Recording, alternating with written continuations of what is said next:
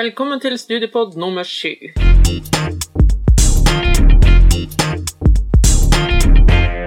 I dag så skal vi ha en gjest i studio eh, som går på Kristiana høgskole i Oslo. Eh, vi skal bl.a. snakke om veien fram til å starte studier, eh, hvordan det er å studere der, og yrkesmuligheter etterpå. Så velkommen til deg, Anine, student, 25 år og alenemamma. Tusen takk. Og hei, Hege, du er også i studio. Hei, takk for at jeg fikk en velkomst. Hyggelig, Anine. Men vet du hva, da tror jeg bare vi kjører rett på, Ja, Anine. For nå er vi veldig nysgjerrige på å eh, høre om deg Ja. og studier og yrkesvalg og veien fram dit. Og alt som er. Og alt som er. Så vi kan bare starte. Hva er det du studerer? Eh, Jeg studerer en bachelor i kreativitet, innovasjon og forretningsutvikling Wow. på Høgskolen Kristiania. Så det er kjempeinteressant. Eh, Mye morsomme fag som ikke er helt sånn A4-valg, liksom. Mye morsomme innspill der. Så jeg trives godt med det. Jeg er på andre året mitt nå. Ja, Så det, det er veldig gøy. ja så spennende. Mm. Kan jeg spørre, hva er grunnen til at du har valgt akkurat Det det studiet. studiet? Eh, Det er vel mye fordi jeg var litt usikker på liksom, ok, nå er du på en måte såpass voksen, 25 år, nå må du finne ut hva du skal bli. Men så blir det liksom ok, men hva, hva er det? Liksom, det er vanskelig å sette fingeren på akkurat hva jeg jobber med når jeg er ferdig utdanna. Eh, og akkurat det studiet her gir meg jo ganske mange valgmuligheter eh, i forhold til hva man har lyst til å gjøre. Um, men jeg syns det virker gøy å drive med prosessledelse Ja. eller prosjektledelse. Eller det også faktisk liksom kunne gå ut derfra og tenke at nå kan du begynne for deg selv, og du vet på en måte alt det du må kunne for å faktisk skulle få suksess. Da, for det er jo kjempeenkelt å begynne for seg selv. Men det å på en måte ha i baklomma den informasjonen du trenger som du ikke finner andre steder, det tror jeg eh, kan ta deg ganske langt. Men Hva, hva, hva slags informasjon er det du, er, du, du trenger, da? Hva slags fag er det som kan gi deg dette? Eh, vi, altså vi har jo si, Det er todelt, for vi har jo på en måte noen fag som er på en måte markedsføring, det er marked og samfunn, vi har bedriftsøkonomi og veldig litt sånn der, sånn spissa fag som jeg føler du trenger å ha inne. Noen plattform? Ja, en sånn plattform, men så har du på en måte de andre fagene som vi legger mer fokus på, som på en måte første faget vi hadde, het jo eh, kreativitet, innovasjon og nyskapning, hvor vi faktisk startet vår egen bedrift, registrerte den på Brønn Brønnøysund, eh, og måtte på en måte ha hele den prosessen, da. ja. Eh, for å på en måte få en litt følelse av hvor, hvor vanskelig er det egentlig å begynne, og hvor mye er det du må ha i en forretningsmodell for at det skal være attraktivt for andre å på en måte være interessert i det du holder på med. Sånn at det ble liksom ordentlig. Det ble ordentlig, ja. Ja, ja. sånn. Gå rett inn i den virkelige verden. Første semester. Sånn, nå skal dere begynne en bedrift. Vær så god. Velg hva dere vil, men dere er nødt til å gå gjennom, liksom. Hva Så var synes den- det? Du, det var kjempespennende, men det blir jo på en måte litt sånn Du sitter jo og river deg i håret på et tidspunkt når du på en måte ikke får inntekt og utgift til å gå opp. Du har Ja. ikke nok kapital. Så er det liksom Men det er veldig realistisk, da. Ja, og det er jo noe med det, for du tenk, kan jo tenke at ja, det er en skikkelig god idé. Mm. Så tenker jeg at den her må folk like, men så er det hvis ikke du vet hva markedet vil ha, og du på en måte har klare beviser for at det her kommer til å slå gjennom, så må du jo sitte på en del på en måte, argumenter på din side for at du skal være attraktiv for andre til eventuelt å investere i. Så det var, det var veldig sånn realistisk, og det var, liksom, det var mange som måtte endre totalt. på en måte, tenkte at nei, vi må bare vi må kaste hele planen, og så må vi begynne helt fra scratch. Hvor er det vi har på en måte gjort feil? Eh, så det var kjempegøy. Eh, Ja, men da, jeg må bare stoppe det litt. Ja. Eh, Etablerte dere da en ny bedrift igjen, eller hvordan Nei, vi holdt måtte dere avvikle? Eh, Nei, og den er, står fortsatt og kjører, på en måte den. Men nå på en måte den sommeren her, så kan vi på en måte, eller vi kunne velge om vi på en måte vil la den fortsette å gå, eller om bare vi vil legge ned, så tar vi ut på en måte det vi spyttet inn i begynnelsen. Mm. Eh, Så de fleste gjorde det, for det blir jo litt sånn der, det er vanskelig å ta, altså styre bedrift og studere samtidig. så veldig mange la det jo ned, og bare delte på en måte det de hadde hver for seg. Eh, Jeg tror på en måte det er litt av tanken med det også. Det er vel bare for å gi oss en følelse. Ja, for jeg tenker den erfaringa, for at da får man jo fort en erfaring med om dette kanskje er veien å gå eller Absolutt, ikke, og ja, ja. ikke minst hva det krever. Men tenker du at det var at det ga deg mer lyst, eller ble det litt sånn Eh, skummelt? Det var jo litt skummelt, men det er på en måte alt er jo skummelt når du ikke vet, vet noe om det. Og det blir jo noe med det at det, altså det er så tett oppfølging med foreleserne, og de er på en måte så dyktige, så er det på en måte noe du lurer på. Så du har jo stort støtteapparat rundt deg, så du får det jo til. Men det er jo klart at når du satt der, og du var litt sånn Ja, det her går jo ikke rundt, jeg har ikke sjans. Det er ikke noen kunder, det er ingen som har lyst til å investere. så blir det liksom at kanskje det her ikke er veien. Men på en annen måte så tror jeg det var veldig fint å begynne der, istedenfor å gå tre fulle år, og så skal du siste semesteret ha liksom opprette en bedrift. Da så er det sånn Det her var ikke akkurat det jeg tenkte meg at jeg hadde lyst til å gjøre. Så sånn sett syns jeg det er fint. Jeg tenker jo det, For en fantastisk erfaring å få med seg i studietida. Absolutt. Og jeg tenker, altså, Det er vel like greit å gå konkurs da som etterpå. Ja, det er jo, det er jo noe med det. Heller. Ja, men jeg tenker også dette her eh, at det ikke bare eh, studiet er belaga på teori, Nei. men det at du faktisk da får eh, praktisert den teorien, og at man får en erfaring med hvordan det virkelig vil liksom være Ja, hvis absolutt. utarter seg. Jeg tenker det at det burde jo nesten vært sånn på andre studier også, da. Hvis du Ja. har starta, så tenker du at dette her er jo ikke liv laga for meg. Så man får jo veldig fort eh, type kontakt, vil jeg tro, Ja. med om man vil fortsette. Mm. Og Eller du finner i første semester også er jo du merker hvem som faller fra, og hvem som på en måte føler at det her er på en måte, nå er jeg på riktig sted. Eh, For det er jo klart at klassene halveres jo veldig ofte. Ja, det har du også erfart i din klasse. Ja, i min klasse det falt fra veldig mange første semestre, eh, men de som på en måte er her nå, det er på en måte, da merker du at det er de menneskene som på en måte har en sånn gnist for akkurat det vi holder på med. da. Eh, Og det er et veldig kreativt studie, og jeg tror det er det som appellerer til veldig mange som er der. At det ikke er så veldig liksom A4-basis. da, Du skal på en måte ikke bare jobbe med markedsføring. Eh, Du har på en måte noe litt mer sånn kreativt, og det tror jeg de fleste syns er veldig gøy. Eh, Litt mer sånn farger farger i hverdagen. Og det det som er, blir litt sånn, det er litt sånn kreativt yrke, men samtidig sånn, så hører jo det at du skal være ganske så Det, strukturert ja, og ja, det er mye også. forretning. eh, Det er mye du Forretningstankegangen. Ja, ja, sånn at det, du kommer ikke så langt hvis du bare er kreativ. Nei. For at du må jo Du må ha, sitte på liksom, kunnskapen du trenger Ja. for å kunne for det første la den kreativiteten spire. Mm. For alle kan være sånn kreative, men det er det å faktisk få opp en idé som er på en måte verdt noe, og som gir verdi til andre enn deg selv. Og så vite hvordan du skal gjøre det Ja. Og som gjør at man kanskje kan overleve på det. Mm. Jeg tenker det er sånn Sammenlignet med Kunsthøgskolen og sånne type ting, hvor du er, eh, går i Ja. flere år og blir utdanna Ja.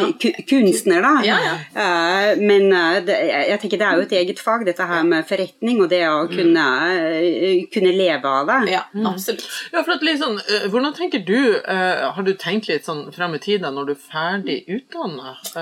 Ja, eh, det er jo altså, Jeg tror de fleste tenker Altså, sånn som jeg. Jeg har tenkt at det hadde vært kjempegøy å gå ut etter tredjeåret når jeg har den bacheloren, og så begynne for meg selv. Men det er ikke helt realistisk.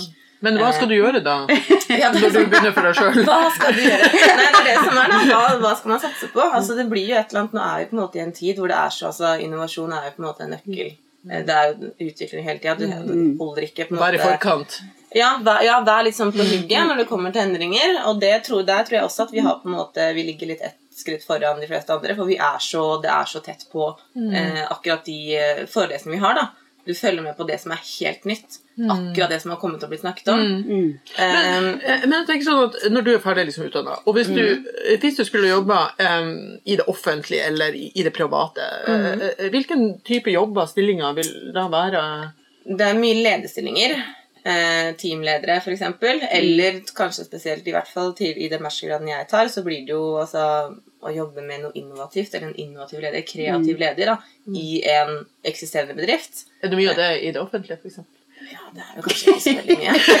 Men, Men, Det er et levende spørsmål. ja, men jeg tenker at det vil jo komme mer. For jeg tror at veldig mange på en måte ser det at ok, nå er det på en måte det, er sånn kreativ, altså Du må være kreativ for å kunne være innovativt, for det ene på en måte er en forutsetning for det andre. Jeg ser jo Oslo kommune, for eksempel, eh, type bymiljøetaten. Ja. Eh, Den ser jeg jo Ja. er litt sånn framoverlent og, og bruker sosiale medier og, og lager type, eh, type kampanjer og Ja. den type ting. Sånn at det er noe Det er, ja, det er folk som eh, liksom får det frem det. Men det, jeg, jeg blir sånn nysgjerrig, for, det- for det studiet heter kreativit, kreativitet, innovasjon og forretningsutvikling. Ja. Og innovasjon, vi snakker jo mye om det nå, framtid og alt det her. Ja.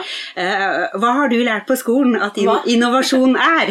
det er et veldig Det er mye mm, Hva skal jeg si eh, Fasiter på hva det er. Men det er på en måte mest basic at det- skal være noe nytt og nyttig. Du må kunne benytte deg av det. Nytt det, og nyttig. Nytt og nyttig. Det hjelper ikke å være nytt hvis ikke du kan bruke det. nytt og nytt. Ja. Ja, så det er på en måte det liksom slagordet man Ja. bruker. da for å, Får du spørsmål på eksamen hva er innovasjon? Det skal være nytt og nyttig. Ja. Så er det liksom et poeng på. at Uh, ja, men det er vel det at du, altså, du skal komme opp med annet, noe nytt som folk kan anvende seg av. Det trenger ikke nødvendigvis å være noe helt sånn som man aldri har sett før, men at du endrer på noe som eksisterer, Ja. og gjør det bedre. Mm. Eh, sånn at på en måte markedet har lyst å ta det i bruk. Kan du gi et eksempel på det? for eksempel? En innovativ løsning? Ja. Ah, godt spørsmål. Altså, iPhone, for eksempel, er jo litt innovativ fordi den gir deg alt det du får eller trenger fra en PC, til en ting som du likevel bærer i lomma hele tiden. Så det blir sett på som en innovativ Eller smarttelefonen, da, er Mm. innovativ. Jeg har nesten nettopp forstått at uh, iPhone er ikke en telefon. Nei, det er, det, er det er faktisk en datamaskin, altså. ja. og at en ringefunksjon det er bare en bitte liten app ja. av et stort mangfold. Det er det.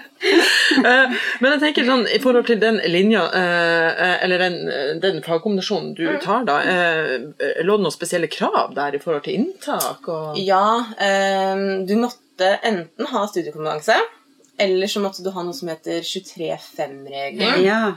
Eh, og det er jo da at du har jobbet i fem år.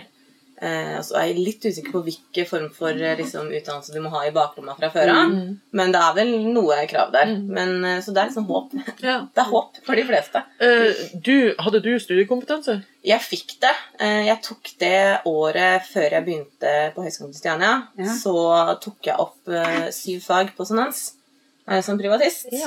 For det var litt sånn Jeg hadde liksom jobba i to år, og så var det sånn Ja, er det her det jeg skal gjøre, liksom?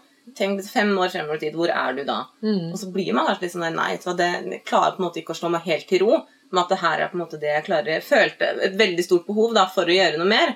Følte jeg liksom kunne gjøre noe mer. For at du, du droppa ut av videregående. Jeg droppet ut av videregående.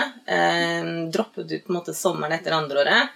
Hadde strøket i sikkert fire fag.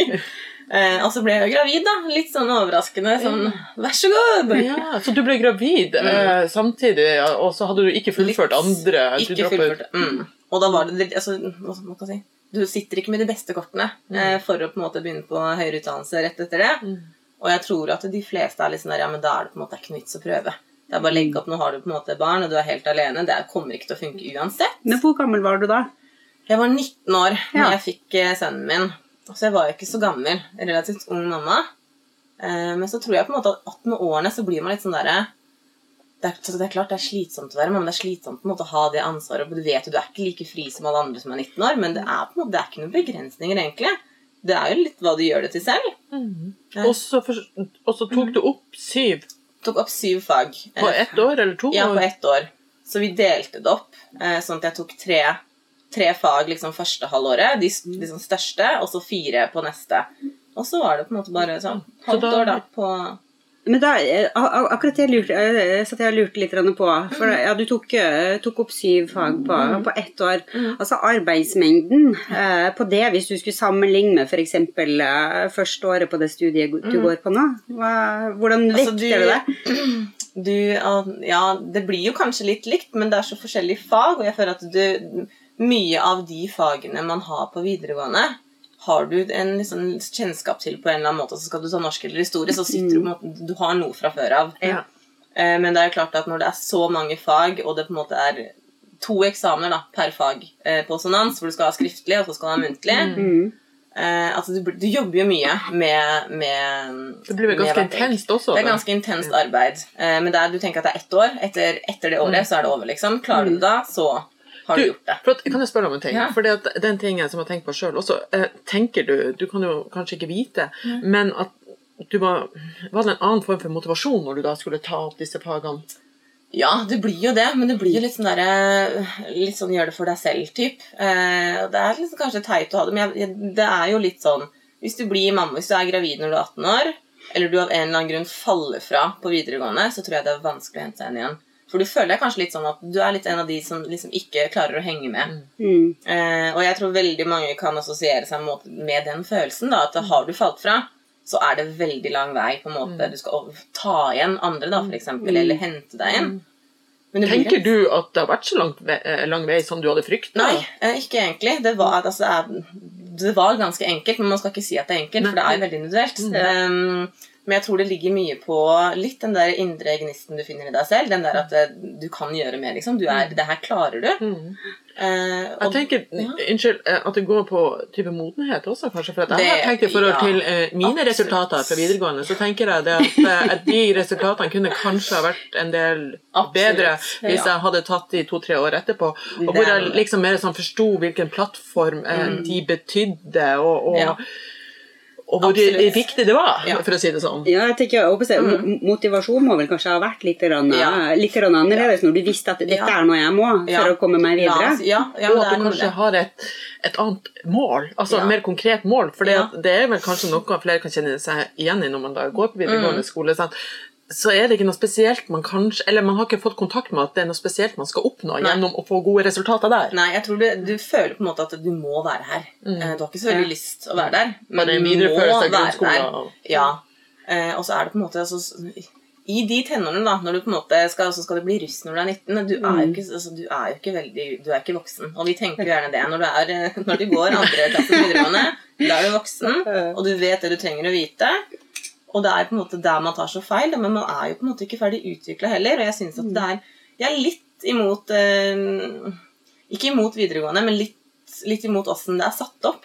I forhold til at Det er jo veldig mye på vi er så, alle er forskjellige individer, og det er ikke alle som lærer av de de måtene, men likevel på videregående så er det på en måte det er sånn du lærer. Mm. Og det er de her kravene du har, og står du ikke til de, så er det altså, Da klarer du ikke å gjøre det. Mens når du blir eldre, da, sånn som å ta, ta opp fag som privatist Ja, det er veldig sure penger å bruke, men det blir på en måte verdt det likevel, for det står mye friere. Det er mer sånn ok, du gjør det for deg selv. Mm. Så du leser i den pensumboka fordi du har lyst til å gjøre det, ikke fordi det er sånn ja, jeg må bare være her. Det er en indre motivasjon. Ja, det blir en indre motivasjon. Du har litt andre synspunkter på hva, hvorfor du gjør det. Mm, mm. Og det, det er også der jeg tror at vi er veldig forskjellige sammen som mennesker. Noen er mer moden når man går Mm. Ja. på videregående skole, og derfor mer Absolutt. målretta. Ja. Mens noen er mindre moden, sånn som jeg var, eh, og ikke like målretta. Ja, absolutt. Og noen trenger mer tid, og det er det jeg syns er så fint med å ha Ja. deg som gjest her i studio. Ja. Dette her med det at ting kan skjære seg. Man Ja. Mm. kan komme litt liksom ut av sporet, men det er fullt mulig ja. å komme inn. Nei, Jeg tenker, er, er det nødvendigvis det? Altså, Har man kommet ut av, av sporet, egentlig? Veldig Alle, alle, alle skal jo ikke Nei. gå det samme sporet. Nei. Du, det håper jeg, kreativitet og innovasjon. det er det. Ja. Finn en annen vei. ja, men det er noe med Og tenker at eh, kanskje du er veldig godt i den målgruppa, nettopp fordi at du går din vei, og Mm. Ja. ikke den veien som Men igjen, jeg syns det er veldig godt det du sier. altså Hva en er altså normal eller ikke? Men jeg har litt sånn inntrykk av å prate med en del unge folk som skal studere, og sånt, altså at de blir litt stressa for Ja. at de ikke kommer seg i gang. Ja. Og det at de skal begynne på uh, høyere liksom, utdanning så straks de er ferdig med videregående skole, Mm. Og om de har blitt 20 eller 20, 21 år, så blir de enda mer stressa. Ja. Um, sånn at jeg tenker at, at det er ingenting som er så normalt eller Nei. liksom unormalt her. Nei, det er noe med det. Og jeg tror man sitter med en følelse av at liksom samfunnet fortsetter litt sånn uten deg. Hvis du ikke på en måte setter deg på den hesten. da. Du, du begynner å utdanne deg med en gang. fordi det er sånn, ja, innen jeg er 25, så skal jeg ha en jobb. Jeg skal jobbe der i tre år. Og så på en måte skal livet bare falle på plass. Og det er på en måte en av de forventningene jeg tror veldig mange sitter inne med. som man, altså det, På et eller annet tidspunkt skjønner at ok, det er jo ikke sånn det er. Det er på en måte det, det Hva Det tror du er grunnen til at så mange eh, er stressa med å komme seg i gang, og at man skal det, er, altså, det ligger mye forventninger der, og det er jo klart at på alle, alle skoler og alle måte kretser så er det de som har planen klar. De vet det, har visst det siden de gikk i åttende klasse, at jeg skal bli sykepleier. Mm. Og det er det at når de blir på en måte flere og flere, og du sitter og er sånn herre Ok, men hva, hva var det egentlig lyst til å gjøre? Og så har du på en måte Du aner ikke. Nei. Jeg hadde sånn, en venninne som jeg visste fra hun var 15 år at Ja. hun skulle studere juss og bli advokat. Ja. Hun begynte rett på universitetet Mm. hun var 18 år. Ble jurist siden advokat. Ja, Utrolig irriterende. ja men Er hun fortsatt eh, Men fornøyd vi- med valget? Vi, ja, hun er fortsatt og Ja. rivende dyktig, og, men, mens jeg hadde en helt annen vei. Ja, men Jeg det er, noe det. det er så individuelt, det tenker jeg. Men jeg tenker at det ene er ikke mer verdt. En, nei, det er noe med det. Den det ene veier ikke mer enn den andre. For du, du, altså det, jeg tror at Hadde vi på en måte levd i en verden hvor alle på en måte rett etter videregående det var på en måte bare toppkarakterer, du vet akkurat hva du skal gjøre, så blir det på en måte, det er ikke rom for noe annet. Det er ikke rom for noe liv sånn egentlig utenom. Det å liksom skulle lære da, av at okay, det var litt dumt å droppe ut det andre året, eh, skulle liksom kanskje fortsatt, skulle tatt det mer på alvor. For det var jo en følelse jeg har hatt med på sånn, at det, tenk liksom Tenk du hadde spart de liksom 60 000-70 000 kroner. Hadde du bare fulgt med den timen, hadde du dratt på skolen. Men der og da så satt det så langt inne, og det var på en måte Det var nesten som det var ikke mulig. For det var, det var ingenting i meg som hadde lyst til å dra dit. Det var mista helt motivasjonen. Nei, og så er det det at noen trenger litt mer tid på å finne ut hva Ja. man har lyst til å, å studere. Og så tenker jeg at kanskje noen haster litt for mye, litt sånn som det du spurte meg om nå, i forhold til om hun fremdeles var advokat. Fordi, at, fordi at det er jo også de som, som rusher det for Ja, fort ja. å begynne på, på studier, kanskje lengre og krevende studier, for Ja, så ja. å erfare. At det her var ikke det han Nei. lyst å gjøre. Nei, det, også, det må jo være vanskelig å sitte med den følelsen også, da. Så Når du har vært så målretta og gått rett på, og så sitter du der og har jobba der i to år, så er det sånn Det her Så det kan jo være litt lurt noen ganger å kanskje gi seg det, Ja. Det rommet ja, absolutt. Men samtidig så er vel eh, altså Samfunnet er jo i endring nå, og det blir jo mer og mer vanlig å utdanne seg gjennom hele livet. Man jobber Ja. kanskje litt, eh, studerer kanskje litt. eh, Ja. Både studere og jobbe samtidig. Det Absolutt. tror jeg er i ferd med å bli bare mer og mer vanlig. Så vi blir, altså, vi blir jo aldri ferdig utlært. Nei, det er det med det. Og, og samme også, ikke sant, er du i et yrke, så er det stadig nye ting du, mm. du skal lære deg. Du må Ja. gå på kurs, du må oppdatere det. Ja, det er alltid sånn opplæringer som uansett hva du holder på med, tenker jeg. Mm. Du, men du, jeg tenkte, jeg ville litt sånn tilbake til eh, dette her med at vi var litt inne i forhold til hvilken type yrkesmuligheter som ligger der. Som ligger i grunnen der, ja. Ja, eh, og da eh, i det private og det offentlige. Men da er det mer lederstilling Ja. eller eh, mer Ja, Um, men det spørs også fordi det nå, neste semester så har vi valgfag, og det blir på en måte der vi spisser oss inn. eh, hvor vi finner et eller annet, ok, hva er det noe du har lyst til å på en måte Liksom som du tenker at det her syns jeg er kjempeinteressant, og der vil jeg få sånn ekstra spisskompetanse. Eh, som er liksom masse studiepoeng, og du holder på med det et helt semester. Og da også folk som drar på utveksling. Eh, jeg tror det er på en måte der du finner ut litt da, hvor er det du har lyst til å rette deg inn i forhold til når du er ferdig her. Og det er masse forskjellig. Um, Har du tenkt noe på hva du vil gjøre? jeg har vært litt sånn vagt innpå det. Eh, Jeg har vurdert å ta internasjonal engelsk. Bare for jeg tenker at det, Om du skal starte for deg selv da, og du har lyst til å på en måte bli litt sånn born global, som på en måte får litt sånn fotfeste overalt, så er det greit å vite Ha språket på det. Ja, det er noe med det. Men så er det liksom, jeg tenker at kanskje det blir litt altså misforstå meg rett kjedelig. At jeg heller vil gjøre noe helt annet enn det jeg faktisk holder på med nå. Em, vurdert å ta digital markedsføring. Mhm. Eh, bare for det er altså veldig sånn up and coming. Eh, veldig få som på en måte reklamerer ved avisen eh, nå til dags, for det faller ut. Men så er det, litt, det er litt sånn eh, innom litt forskjellige. Vi må jo bestemme oss nå i første uka i november. Så det er på en måte nå vi går inn og leser litt om det. Ok, sånn at det er ikke så lenge til. Sånn at du Det er må, ikke så lenge til vi må men er det veldig mange. Men er det veldig mange eh, Det er veldig mange valgmuligheter. Eh, men så er det litt sånn altså, Høgskolen Kristiania har jo masse forskjellige Altså Du har jo på en måte det kreative, så har du på en måte HR, og så har du markedsføring, og det er litt forskjellig. Eh, så jeg for eksempel kan ikke velge innovasjon og ledelse. For det er noe som ligger så sterkt i den bacheloren jeg tar. Okay. Men en i markedsføring kan velge å ta valgfag i innovasjon og ledelse. Ja, for det er litt sånn vagt hos de. Mm. Eh, Så det er på en måte Det blir liksom en mulighet for å gjøre noe annet enn det du faktisk holder på med i den bacheloren. For å få en sånn ekstra liksom, kunnskaper inn. Mm. Litt mer kompetanse å sitte på. Men hva er det eh, arbeidsmarkedet etterspør innenfor dette her, da? Altså, eh, hva tenker du, eh, tenker du at det er enten internasjonal engelsk eller digital markedsføring du faller ned på? Nei, eh, det er jo mye forskjellig, men det blir litt sånn derre jeg tror det spørs, altså jeg tror Å interessere seg for det er veldig viktig når du skal ta valgfag, i hvert fall, for det er 30 studiepoeng. Det, er, det Mm. sitter fint. Eh, og hvis du da gjør noe som du egentlig syns er kjempekjedelig, men du tenker at ok, det her er så, det er så viktig, eh, så jeg velger å gå for det her, fordi da på en måte er jeg mer attraktiv eh, etterpå. Mm.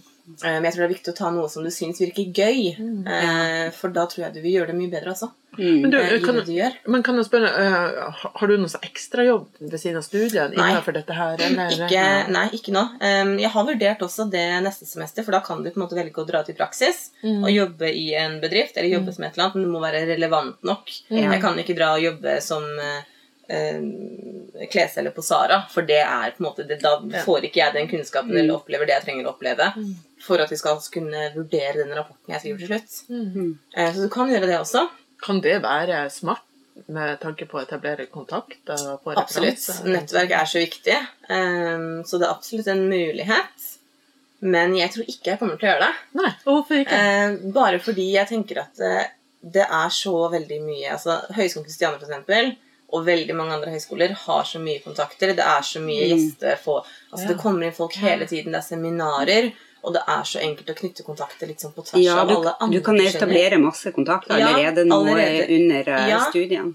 Eh, Er ikke det et fortrinn som har skjønt at uh, Høgskolen Kristiana, disse mer, eh, hva du også kan kalle fagskoler, Ja. som mer er direkte uh, linka opp mot eh, hva veldig. som etterspørres? mm, absolutt. Altså at det er noe fortrinn der også, det at Mm. man eh, i en helt annen grad kan gå rett ut i jobb, fordi at man Ja. lærer så mye av praktisk karakter. Absolutt. Og vi får jo inn, i hvert fall i mitt studie nå, så har vi får jo inn masse tidligere studenter fra altså KIF, eh, det bacheloren heter, kreativitet, nasjonal og forretningsutvikling. KIF, ja. KIF. Mm. ja. Det er ingen som klarer liksom, ingen som husker kreativitet, nasjonal og forretningsutvikling. Nei, det er veldig langt. Eh, men de kommer inn, eh, de som har startet for seg selv, Mm. eh, og som kanskje har fått litt suksess, og så har de forelesninger for oss. Mm. Og er liksom der, for det er en del sånn fallgruver da, hvis du skal gå ut og så tenke at å, jeg er verdens beste idé, Mm. og det her, skal jeg, det her kommer til å slå igjennom. og så er det på en måte kanskje ganske mange ting du ikke har tenkt over, Mm. fordi du blir liksom forelska i din egen på sånn kreativ måte. Det her er så bra, Mm. liksom. Eh, så de kommer inn og holder foredrag og snakker om på en måte hvor, hvor vanlig det er å få et nei. Eh, Det er veldig mange nei eh, Mm. før det eventuelt kommer et ja. Det er bare det at du må på en måte bare stå liksom ordentlig hardt i stormen. Eh, og det er veldig gøy, for de har liksom der, ja, de studerte på KIF, og så kom de ut, og så skulle de liksom, nå skal vi begynne for oss selv. Men hvor mange ganger de prøvde å feile litt før det på en måte til slutt var liksom suksess. da. Og det er også litt greit, tenker jeg, for at ikke du sitter med den forventningen om at eh, når jeg er ferdig her nå, så skal jeg gå ut, og så skal jeg bli millionær. Fordi jeg skal ha en så god idé at alle kommer til å elske den. Og det er på en måte, det er jo ikke helt realistisk. Det kan jo skje. Altså, man, Du må være litt stayer også. man, ja, man må ha liksom føttene plassert litt på bakken, tror jeg. Jeg satt og tenkte på, eh, på noe som vi har snakka om, eh, om her tidligere, i forhold til dette å gå på skole, og så kommer du ut, og så har du en tittel. Ja. Hva, hva- er du når du er ferdig? Ja, det er liksom, jeg, sitter jeg har jo egentlig bare den bacheloren da, i baklomma. Det blir på en måte det, det jeg lener meg på. Jeg er en kiffer. uh, men, Ja, ja, ja unnskyld. Uh, fordi at, eh, ja, det Nå blir jo så ivrig igjen. ja, ja, ja. Det er mange kontakter eh, eh, som høyskole har. Eh, samtidig så er det jo noe med hvordan du da Med mindre du går selvstendig, men da må du selge deg inn eh, på en annen måte, da. Eh, men hvordan du da presenterer deg i forhold til hva du kan, og, Ja. og, og Det spørs jo sikkert litt du, altså hvilken jobb du er ute etter. da. Eh, jeg tenker jo i hvert fall for der hvor altså studiet mitt Jeg tror de fleste er liksom der vi vil inn på en sånn kreativ arbeidsplass. Eh, gjøre et eller annet ja. kreativt, men vi vil på en måte Det er ikke det at vi ikke vil jobbe under noen, men vi vil nok sette oss ganske høyt oppe i forhold til å lede andre, da. Um, men det som liksom er fordelen, er at det er så mye i hvert fall i Oslo, eh, veldig sånne kreative møteplasser. Mm. Jeg kan dere høre om Mesh. Jo. Det er noe typisk sånn der, der kommer på en måte gründere, og så setter de seg der. Og det er, altså, det, er, det, det er jo kjempeenkelt å komme i kontakt med folk og høre hva de driver med. Og så er det sånn, ja, men sett deg her oss og har du noen idéer på en måte. bli med. Ja, på den måten også så er det på en måte enklere, tror jeg, når du er ferdig, fordi du kjenner en som kjenner en, og han har gode ting å si om deg fra den gangen du var på Mesh. Ja. Og du sa ja, men kanskje dere gjør det? Og så er det sånn, ja, hun er kjempe superkreativ og veldig sånn tenker masse. Og at det blir enklere da på en måte liksom ha en fot innenfor, da. Eh, I hvert fall hvis du skal jobbe med noe kreativt. Eller noe innovativt. Vil sånn- Nå er min tur, Gro. Mesh, sa du. Og Hva, hva, er det for noe? Mesh er, eh, det er jo kanskje et utested eller en møteplass da, for eh, spesielt liksom gründere eh, eller entreprenører som drar dit. eh, Og så setter de seg ned, og så har de sånn derre um, idétid. Ja. Hvor de setter seg ned, tar liksom kanskje en øl eller spiser noe mat, og sånn, så setter det seg en stor eh, gruppe mennesker. Og så er det bare sånn idémyldring frem og tilbake over bordet. Mm. Hvor du kaster ideer opp, og så plukker du det fra hverandre, og så finner du på noe nytt igjen. Bare for å på en måte komme opp med en idé som du tenker at den her, den her prøver vi videre med. Så har du kanskje ti ideer, og så skal fem av de slaktes, selv om alle kanskje er like gode. Men sitter du der med flere andre, at det- det blir flere perspektiv. ja. Eh, og så blir det liksom det at du, du snur litt på det du liksom spør om. Eh, Er det også en eh, arena hvor eh, du kan bli en del av prosjektet? Ja, absolutt. ja. Det er veldig ofte så drar man dit, og så ser du etter en eh, som kanskje har lyst til å være med på noe. Mm. Så kan du spørre liksom, ja, du, hva gjør du nå? Kan siden av. jeg kunne ha liksom de prosjektene på siden. Så, okay, for jeg har en skikkelig god idé. Så du må på en måte pitche deg inn litt. Mm. Eh, men det er veldig, det er veldig, veldig interessant. Eh, Ja, for dette har du deltatt på. ja, vi er veldig, i hvert fall i liksom, klassen min, da, så tenker jeg at jeg skal stikke opp. Vi er liksom, Å sitte på skolen og studere hver dag, det blir sånn kjedelig. Uh, og vi lærer jo på en måte mye i forelesning, spesielt liksom de kreative, Mm. om at omgivelser har mye å si på hvor kreativ du klarer å være. Mm. Eh, Så vi, liksom, vi prøver å endre litt sånn studiesteder. Nå setter vi oss der. Nei, nå går vi på biblioteket. Vi setter oss på Mesh. Man må jo liksom leve litt det man skal Ja, være, ja, hører jeg. sant? ja. Du sitter ikke Det er- inne eh, sitter på ikke en inne. kontorpult fra åtte til fire? Nei, for det blir så det, Jeg tenker at det er så, så så mye informasjon kan du ta til deg før du slutter å lære deg. Mm. Du kan lese tusen ganger, men eh, Jeg tenker, eh, Dette her er jo interessant også, altså, hvis man ser på, på studieformen. For det er jo det er veldig forskjellig avhengig av hvilket studie du går på, hvilken Ja. skole du går på. Mm. Hvordan er det bygd opp Struktur, da, hos dere? Ja, struktur. Strukturen. På ja. skolen, tenker dere på? Ja. Er det forelesninger, er det Ja, ja, ja. Er det Det er også forelesninger. Én forelesning cirka i hvert fag hver uke. Uh, Det her semesteret har vi en dobbeltforelesning. For vi har eh, et liksom litt større fag som har vært dobbelt så mange studiepoeng. Det er vekststrategi. eh, Hvor det er dobbel forelesning i uka. Så det er liksom forelesninger, ca. tre timer. Eh, Og så er det kollokviegrupper. Det med kollokviegrupper er gull. Det er jeg Mm. sikker på at jeg hadde ikke gjort det sånn som jeg har gjort det, hadde jeg ikke funnet de menneskene jeg har funnet. Mye erfaring også. Kollokvie er gull. Ja, men altså, det er gull. Altså, om, det, om du skal velge kollokviegruppe eller forelesning, så går du for kollokviegruppene. Fordi det er så mye Altså, du jeg vet ikke hvor mye jeg lærer. Du lærer kanskje 5% av å sitte i en forelesning og høre på læreren, og så går du ut, og så er det liksom ferdig. Og det er veldig viktig, Mm. eller veldig fint at du sier det, for jeg tror at noen kan komme i skade for å undervurdere Ja. kollokvien sin eh, betydning. Men jeg ser det gjennom mine studier at der jeg har vært i gode kollokviegrupper, der får jeg gode karakterer. Ja. Der jeg har mindre gode kollokviegrupper, har jeg ikke fullt så gode Nei, men eh, det, jeg mener det. Det er helt absolutt eh, det beste du kan gjøre, er å finne deg en kollokviegruppe. Eh, Som møter når de skal, for det er jo også når man faller fra møtes klokka 11, så er det sånn Ja, nå er jeg klokka 11. Jeg får ikke komme Som er engasjert og Ja, du må og- møte på en måte likesinnede som vil på en måte samme sted som du har lyst til å komme. Eh, Så kollokviegrupper er helt eh, super, supergenialt. Og så har vi jo seminarer Mm. i liksom forskjellige fag. Vi har liksom nå masse seminarer i bedriftsøkonomi, for det er så nytt for så mange. Det er ingen som, Ja. ingen som vet hva de skal gjøre. Og da er det liksom seminarer, og da er det elever i, som går tredjeåret nå, som har fått A, som kommer og hjelper oss. Sånn at det er ikke forelesere. Så. Ja, det er kjempesmart. Eh, og det er Som også- er i den ja, de kommer inn, og de vet at det her kan de såpass godt. Jevngamle. Ja, jevngamle som kommer inn. Kanskje, kanskje det er de framtidige pedagogene på, Ja, på Kristiania Men du kan også spørre liksom gjennomsnittsalderen. Altså liksom Er det det varierer veldig. Um, Eller gjennomsnittsalderen, liksom alderen, er det ja, veldig Nei, det er egentlig ikke. Altså, du møter jo på en måte mennesker på Høgskolen Kristiania som er eh, 42.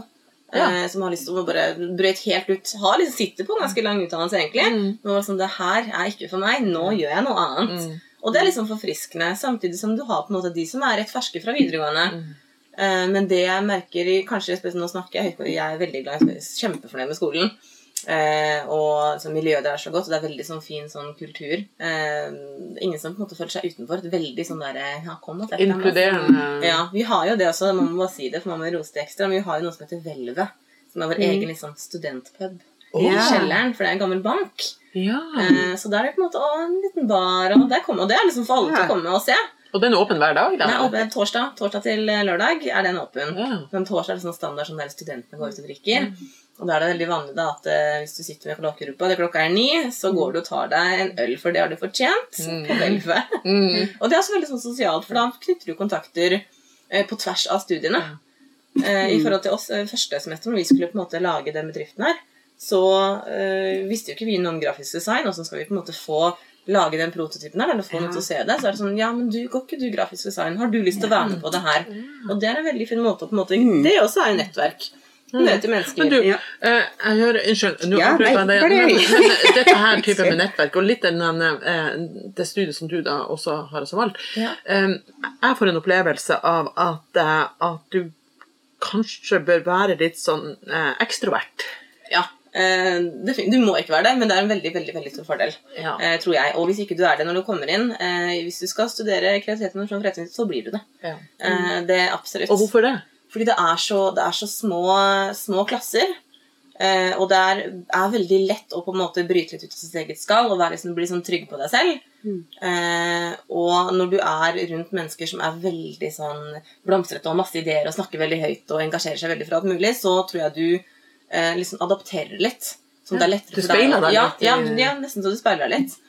Men du nevnte små grupper. Nå ble Ja. jeg litt nysgjerrig. Ja, det er bare klassene eh, er ikke så veldig store. I hvert fall ikke i, i KIF. Jeg tror vi er eh, jeg, 20 elever i hver klasse. Det er kanskje litt mye, til og med. Eh, men nå har det jo halvert seg, da. Det, det begynner jo ofte med ganske mye mer. Mm. Men så på en måte er det de som faller fra, for det her Ja. føler ikke de at det er for seg. Mm. Og da er du også med en gruppe mennesker som er ganske lik deg på mange måter. Så det blir sikkert lettere da å liksom finne litt sånn sin egen stemme. Mm. For det er mye som du skal ha muntlige forelesninger Mm. eh, for klassen hvor du skal presentere bedriften din, og du skal argumentere for hvorfor det her er en god idé, Mm. og hvorfor det vil gi suksess i markedet. Og det er veldig vanskelig å gjøre hvis ikke du på en måte tror nok på deg selv, og at du kan selge det. Mm. Eh, Men det er sånn du jobber mye med også. Ja, så vil jeg jo tro at det vil være en del av arbeidsoppgavene dine når du er ferdig utdanna. Ja. og det er der jeg kommer litt inn på den ekstrovert-biten. Mm. Ja, eh, skal du selge deg selv, så må du på en måte Ja, du må være litt sånn frempå. mm, Eh, absolutt. Men eh, jeg tenker at dette kommer på en eller annen måte uansett. Altså, det, jeg snakket ikke så høyt, jeg, når jeg var på første forelesningen min i, i, eh, i den klassen. Men nå er det jo så det er jo ingen altså Hemningene er lagt helt vekk. Nei, For nå- eh, nå snakker du jo kjempemasse. nå er jeg veldig pratsom. Det er ikke noe problem i det hele Men, tatt. men men, ja, men jeg tror det alltid er sånn Så hvis du kommer inn et, et sted hvor det er masse nye mennesker, og du vet egentlig ikke hva du snakker om, så tror jeg det er veldig vanskelig å skulle være sånn super, eh, superutadvendt og snakke masse om det, eller selge inn noe. Men det er vel kanskje litt fornuftig å sitte bitte litt grann på gjerdet i begynnelsen og Ja. orientere seg Ja. før man på en måte leser ut noe. Ja, absolutt. Mm. Eh, jeg tenker, har du tenkt på muligheten da, til å ta en, en master? eh, Du, jeg har flørtet veldig mye med tanken på å kanskje ta en master. Um, og det er liksom det, det eneste som holder meg igjen, er jo på en måte liksom hele situasjonen nå, da, og jeg er liksom alenemamma. Uh, og nå får jeg jo eh, noe støtte fra Nav fordi jeg er alenemann, men den mister jeg jo nå neste sommer. For da har jeg på en måte hatt liksom, de årene jeg har krav på, de er brukt. Så det begrensa? Det begrensa. Og da, er det, da vet jeg på en måte at ok, tredjeåret mitt i den bacheloren her, så må jeg være alenemamma. Det er 100% studier, og jeg må finne meg en jobb ved siden av. Så det er sånn, Hvor mange år greier du det før det bare kollapser i hodet og du møter veggen? Så det er litt det, da. Jeg ser nok veldig an liksom åssen siste året mitt går nå. Og hvis det er på en måte for at det her klarer å balansere, så er det godt mulig at jeg kanskje tar en eh, liten master. Mm. Eh, Og så trenger man jo ikke ta master med en gang. Nei, det er noe du kan ta også når sønnen din er blitt litt større. Ja, det er noe med det. Få litt du- er- arbeidserfaring, ja. Og det er mulig å ta det seinere. Mm. Det er liksom noe med det. Hvis du sitter og du har en bachelor og du jobber, og så er det sånn at det her var kjempegøy, og så kommer det til at nei, det er noe som mangler, jeg har lyst til å gjøre noe mer. Så sånn, ja, Hvis jeg tar den masteren, så på en måte har jeg kompetansen til å kunne gjøre det. Mm. Og da det, jeg tenker det er ikke for sent å gjøre det. Altså, det er og så, Og da du- Dette har du jo gjort allerede en gang Ja, før. Du har, har, har venta litt. ja, Og med god erfaring. ja, det er jo noe med det. det Eh, Kan man ta master ved høyskole eh, ved Kristiania Mm. høgskole? Ja, du kan ta master. Jeg er litt usikker på hvor mange masterstudier de har. Men jeg vet at de har fått flere nå, og kommer til å få mye flere fremover. Mm. For nå vil det jo bli universitet.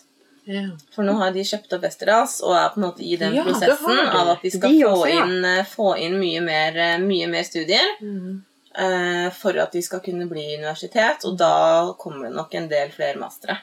Det er litt interessant det du er inne på nå, for Mhm. den forrige podden vi hadde, eller for to ganger siden, så, så Ja. snakka vi jo om dette at tidligere så var det så sortert i forhold Ja. til hva som var fagskole, hva som var høyskole, hva som Mhm. var universitet. Ja. Eh, mens nå så er det mye sånn- mindre sortert. Det går liksom inn i hverandre, og man får godkjennelse mm. for å ha de og de studiene liksom, og de og de gradene. Det jeg tror eh, i hvert fall Høgskolen Kristiania har sett det ganske sterkt, er jo det at de har lyst til å være en kreativ skole. Mm. Eh, og det tror jeg de kommer til å holde ved uansett. Mm. At det skal måte, du skal kunne studere kreativt eh, Mm. når du kommer dit. Eh, og det tror jeg eh, er greit for eh, veldig mange, Mm. eh, egentlig. At det er litt sånn derre For det er klart at det, det høres jo kanskje kjedelig ut å studere liksom markedsføring. Sånn- skjønner dere hva jeg mener? ja. Men det er, liksom, det er jo ikke for alle. Nei, Den der, At det skal være så sort på hvitt. da. kan jeg spørre deg, har du uh, alltid vært kreativ og hatt en kjære forkjærlighet? Nei, et, eller, kanskje litt, men det, det er så altså det, Å være kreativ er jo på en måte så mangt. Mm. Eh, Så det spørs litt på en måte hvor du steller deg i forhold til, i forhold til det spørsmålet. da. for Jeg tror alle er kreative. Mm. Eh, Det er så gøy, for det er mye av det vi snakker om på skolen. er at Når er det mennesker mister den kreativiteten vi har på en måte så innplanta fra vi er små? Mm. For det er jo ikke noe, altså Barn er dødskreative, og på et eller annet tidspunkt i løpet av veien til å bli voksen, så blir det vekke. Mm. Så hvorfor er det det skjer? Mm. Ja, Det er gøy, for det er faktisk eh, noe jeg vurderer å skrive om når jeg skal skrive bachelor. Mm. Når på veien er det For det, vi blir, det er ikke det at vi Den er jo i oss et eller annet sted, men den sitter ganske langt inne for ganske mange. Eh, og det mener jeg at eh, det skjer pga. samfunnet. På et, eller- et eller annet sted på den veien Institusjonalisert. så blir du på en måte satt i en retning hvor den kreativiteten den skal på en måte temmes.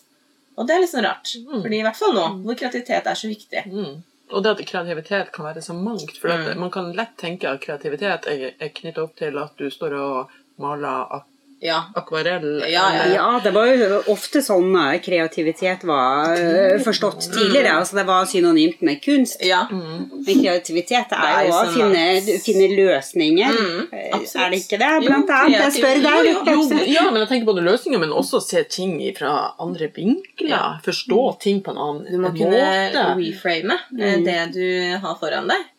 Eh, Et ganske godt eksempel fra en av de største teoretikerne innenfor kreativitet. Og det å liksom reframe, eller sette på nye rammer. Mm. Eh, sier liksom at vi får alltid spørsmål med ett svar. Er det ett fasitsvar, det er veldig vanskelig å være kreativ. Mm. Vet du altså fem pluss fem, det er ti. Mm. Men reframende spørsmål sier hvor, hvor mange eh, Hvilke to tall eh, fører til ti?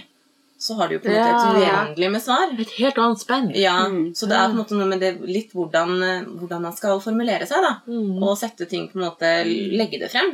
For det har er du jo si. inne på pedagogikken. Altså Ja, I forhold til ja. læreplaner, hvordan Ja, læring er bygd opp. er Veldig, veldig spennende. Ja det er eh, veldig givende studie, altså. Sånn at eh, kreativitet trenger ikke å være et eget fag, men du kan ta det inn i alle fag. Mm, egentlig. Rett og slett. Sånn at det forhold til eh, å Mm. utvide den normale tenkeboksen, liksom.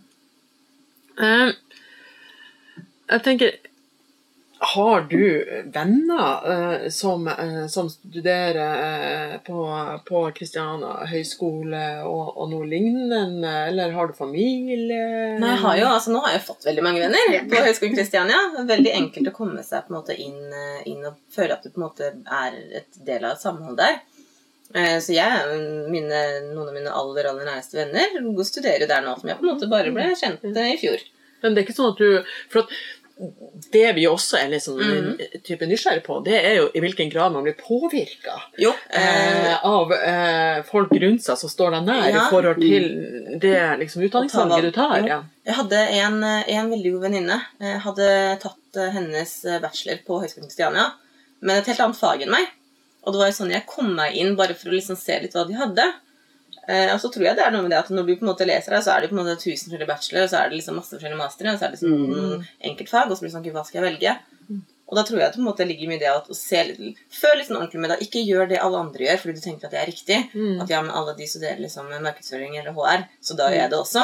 Finn det som du føler liksom appellerer mest til deg, og liksom det du har lyst til å gjøre. For det er faktisk ikke noe verre enn å begynne og tenke at det her var ikke noe for meg. Og så eventuelt går du ferdig det semesteret, så slipper du å få bakmeld hos Lånekassen. Og så bare gir du deg der, og så finner du noe annet.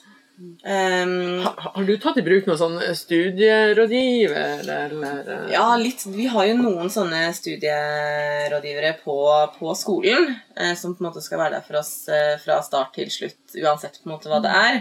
Og jeg var kjempenervøs før fadderuka, husker jeg. Herregud, jeg, er redd jeg jeg kan ikke gjøre det her. Og da fikk jeg jo en time hos en sånn rådgiver da, som skulle liksom snakke med meg, som beroliger meg. Liksom, men det er ikke noe farlig, og du er ikke den første som har vært her. Eh, alle er litt så nervøse før fadderuka, for er måte, du er jo redd for å ikke, ikke finne din plass da, i en gruppe mennesker. Mm. Um, men det er, du, er så, du er så godt ivaretatt, og det er på en måte, du har jo alle disse fadderne dine som har kjent på den følelsen, de også. Mm. Så det er veldig vanskelig å ikke bli inkludert. Mm. Um, Jeg tenker også litt sånn før du valgte eh, Studie. studiet, eh, og den bacheloren Mm. eh, om det var noe liksom som påvirket Ja, hadde du noen rådgivning? Var det noe Nei, eh, der og da Hva lå til grunne for at Det var altså, Kall det en indre følelse. Det var liksom det her, det her er det, det er det jeg skal gjøre. Uh, og Ble du tipsa av noen Nei. Kristiania høgskole? Nei, nei, det var jo bare hun venninna mi, da. Eh, Når, men da hadde jeg på en måte bestemt meg for skolen. Så, jeg, men det er der jeg tok bacheloren min. Mm. Uh, Så får du liksom at er kjempe, alle er kjempesnille, og lærerne er veldig, veldig flinke, og etc., etc. Um, men det var på en måte linjevalget og på en måte Høgskolen Kristiania var Og det er klart at det, det at det ligger så sentralt i Oslo, det spiller jo en rolle. Mm. Um, men det var på en måte ikke en av de på en måte milepælene som sånn at okay, den her skal vi gå for. Mm. Uh, men det var bare det at det er det, Kanskje i hvert fall i forhold til studiet mitt, da, så er ikke det noe som blir tilbudt overalt. Um, Nei, for det er også interessant. Ja. Det er noe med at noen studier ja, for det er jo ja, for det er mange som har liksom, innovative studier. eh, Og det er masse av de, men akkurat på en måte det at du skal ha inn altså, kreativitet, innovasjon og forretningsutvikling, så du får på en måte med deg KIP. Ja, det er liksom KIF. Så du får med deg på en måte alt det du Sånn som bedriftsøkonomi og samfunnsøkonomi og litt sånn markedsføring Litt sånn vanlig fag, da, hvis man kan si det sånn. Du Eh, gjorde mye research eh, på nettsida i forhold til hvilke studieprogram de hadde før du søkte? eller? Ja, jeg så jo veldig mye på de forskjellige bachelorstudiene. Eh, og altså, det eneste på en måte kreative de har der, er jo KIF. Ja. Mm. Um, og jeg tror det er litt derfor jeg landet på det. For det, det, det var liksom Jeg følte meg ikke helt sånn derre Nei, det måtte være noe litt annet enn på en måte det der vanlige rammeverket vi har å jobbe med. Og veldig glad for at jeg gjorde det. Um, så blir jo bare mer og mer glad i bacheloren for uh, hvert semester som går.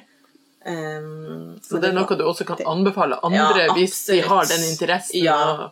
Og da, du, du kan interessere deg for så mye forskjellig og likevel studere der og tenke at det her gir meg noe som jeg ikke har fra før av. Mm. Mm, Men du, du eh, nå jeg litt. Ja. Fordi at igjen sånn, så var jeg tilbake til dette her i forhold til eh, hva du kan jobbe med, og hvilke arbeidsoppgaver. Og Da snakker vi litt om eh, private, altså eh, det offentlige.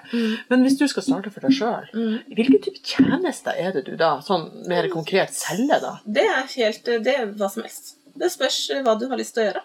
Ja. Det er det som er, men det er klart at sånn som for meg, da, jeg eh, kan jo på en måte ikke finne opp en ny maskin som er superteknologisk sammensatt, for det er ikke kunnskap jeg sitter på. Men jeg vet hvordan vi skal bygge opp en forretningsmodell og få den til live, men jeg trenger da en som er veldig teknologisk flink. Mm. Så det spørs litt hva det altså Det er veldig individuelt. at Du kan, på en måte, du kan begynne med hva du vil. Så Men vil du du være en ressurs mer sånn i forhold til prosjektledelse og, og, og, og Mm. Eller? Ja, det også spørs jo litt, da. Altså, I forhold til meg og den kunnskapen jeg sitter med. Det er veldig mange som kommer dit, så er de kjempeflinke et eller annet fra før av. Jeg, at jeg, jeg studerer her. Vi har en i klassen som er eh, superflink til å synge. Kjempeflink til å lage musikk. Og det er på en måte hennes Det er det hun har lyst til å gjøre. Og med da KIF så kan hun starte sin egen bedrift istedenfor å liksom leie lokaler eller leie utstyr for å spille inn og sånne ting. Så har hun lyst å studere KIF nå, få den bacheloren, sånn at hun har kunnskapen til å kunne begynne noe for seg selv. Mm. Så det er liksom litt hvor du kommer fra fra før av, Men hvis du har din egen nettside, da, mm. når du da starta ditt foretak, mm. hva vil stå der i forhold til hva du tilbyr? Eh, Ja, det spørs jo skal du ta, Ja, stjele noen forretningsideer, eller? Nei, nei, men jeg, tenker bare litt sånn også i forhold til altså, lytterne våre. Sånn, så er jeg litt sånn opptatt eh, sånn, mer sånn konkret eh, Ok, vi kan, Jeg kan fortelle om en av de, mm, de forrige studentene fra KIF da, som har vært innom oss. Eh, Vi skal skrive eksamen vår, bygger seg jo på dems, eh, dems bedrift nå. Det kan hende det heter Bookis, som utfordrer eh, litt eh, standard bokhandel. Som har valgt å gjøre det enklere å mm, selge og kjøpe brukte bøker, og bøker som ikke selges i bokhandelen. Eh, Så da er det søker du på Bokkis, og så kan jeg eh, som student selge mine bøker fra forrige semester. Og så kan en ny student kjøpe de bøkene. Og hun trenger ikke å gjøre noe annet enn å trykke kjøp. Her er vi inne på forretningsideer. Ja, nei, det her, Den her er på en måte oppe og kjører. Ja. Eh, De er ja. godt i gang. Mm. Um, men det var jo det at de hadde, de hadde lyst til å utfordre det, altså, Pensumbøker, det er dyrt. Mm. Mye dyrere enn andre bøker. Eh, og det er, en, det er en grunn. Det er kun noen som selger de. Du får ikke tak i det andre steder. Mm. Og de var sånn der, vi utfordrer den her litt, og så lager vi en plattform for eh, studenter, og liksom særlig bokelskere, da, som har lyst å kjøpe bøker billig og selge bøker. Fordi altså, har du kjøpt en bok for meg nå, har jeg, jeg, jeg vil ikke få noen penger av å gi den tilbake til bokhandelen. Det, den verdien har jeg brukt og kjøpt, på en måte. Mm. Eh, Så det er jo en ting at liksom Bookies er jo på en måte en av de tingene som på en måte har slått igjennom. Mm. Og så er det jo hjemmelegene, Ja. som dere sikkert har hørt om. ja. Som også mener det at uh, i forhold til helsetjenester så har det utvikla seg veldig sånn i feil grad. At når du er syk, så skal du ikke måtte dra hjemmefra Mm. for å dra til legen. Mm. At legen skal komme hjem til deg. Eh, og det er jo i leger som jobber turnus, som sier at ja, jeg er ledig fra 11 til 2. Og så er det en som er syk, og så ja, passer at du kommer da, og så kjører de innom. Det koster jo en del, men det er fordi at alt det, det skal være lønnsomt for alle parter. Jeg har så lyst til å spørre håper jeg, drømmen din, Anine, om fem år. Hva, hva tror du, hva, hva gjør du da? Om fem år så har jeg jo forhåpentligvis eh, opprettet min egen bedrift som eh, om ikke annet går rundt. Eh, det går ikke i null. Eller null også, liksom, du skal være ganske glad når det går i null, altså. Eh, men at jeg gjør noe, gjerne med eh, noen av de jeg studerer med nå. For vi har jo klart at vi driver jo og brainstormer litt på ting vi har lyst til å gjøre. Men at jeg har en, har en bedrift som er oppe og går, og som er, eh, er en lettelse for samfunnet, tenker jeg. Jeg liker liksom det å skulle gjøre noe som hjelper andre også. Jeg skal ikke bare liksom være overfladisk fordi det er kult, men det er noe som skal liksom bidra, bidra til samfunnet. Og Nytt og nyttig. Litt nytt og nyttig, ja. Um, nei, så det tenker jeg at eh, om fem år så har jeg i hvert fall begynt. Begynt min egen, eh, egen bedrift. Jeg har lyst til å stille enda et spørsmål. Ja. For I disse tider hvor det går så veldig, veldig fort Jeg spurte om fem år. Hva med, hva med ti år? Gjør du det samme da som du gjør om fem år? Altså Om ti år er det ikke sikkert at jeg trenger å løfte en finger, for nå er det alt blir digitalisert og robotisert. Så det er jo at eh, kanskje jeg sitter og ber maskinen min om å ordne det. Men eh, det også er ganske interessant, for det er jo veldig mange som er redd for det. Den retningen utenfor utvikler i. At det er så mye Altså Kunstig intelligens erstatter jo mye av den på en måte menneskelige kraften vi har. Mm. Men jeg tror at eh, folk kan eh, senke skuldrene. Ja. For det også vil jo åpne veldig mange nye muligheter for spesielt å starte for seg selv. Mm. For du, det, du trengs ikke noe annet sted. Mm. på en måte. Mm. Så det er på en måte rom til litt sånn sysselsetting for seg selv og gjøre noe du på en måte syns er, syns er artig. Eh, Så nei, om ti år så kanskje Da er jo forhåpentligvis den bedriften oppe og kjører så det ruller etter. Og alle involverte har det veldig godt. Men at vi egentlig ikke gjør så mye. At vi sitter litt på sidelinjen og bare sjekker at det funker. Og så er det noen andre som gjør det, så bor vi på Hawaii vi, med alt, alt vi elsker og koser oss. Du, eh, jeg tenker at altså, Det er kjempehyggelig å prate med deg, og Ja. veldig spennende. Um, men jeg tenker på noe- hvis du skulle ha valgt en annen utdanning, en annen yrkesvei, Mm. hva ville det ha vært? Det er et litt artig spørsmål. Um, fordi eh, jeg har, eh, hadde kjempelyst til å bli psykolog. Og det er jo litt, eh, det er jo litt sånn forskjellige greiner på det treet her. Jeg hadde kjempelyst til å bli psykolog. Um, men tror kanskje at jeg eh, var min egen sånn verste fiende i det. Tenkte at det greier du ikke. Var veldig sånn at det, du får ikke de karakterene, så det får du ikke til. Mens i dag, når jeg på en måte ser tilbake, så er det sånn jeg hadde jo fort fått det til. eh, med riktig innstilling. Men så er det på en måte noe med det at eh, det er en så annerledes eh, retning enn det kreative nå, da. Eh, og jeg tror det er veldig tungt. Og så tenkte jeg at ok, nå har du en liten stund som du på en måte skal passe på eh, livet ut. Og eh, gikk litt sånn frem og tilbake på det at eh, skal du bli psykolog og ta på deg alle andres problemer, selv om du har kjempelyst til å hjelpe dem, for jeg syns det er veldig givende, jeg elsker den følelsen jeg får for å hjelpe andre, det er det beste jeg vet. Men så er det det at det, det, da er det livet ditt. Um, fra du står opp til du kommer hjem, og så skal du legge alt det på hylla, og så har du dine egne problemer.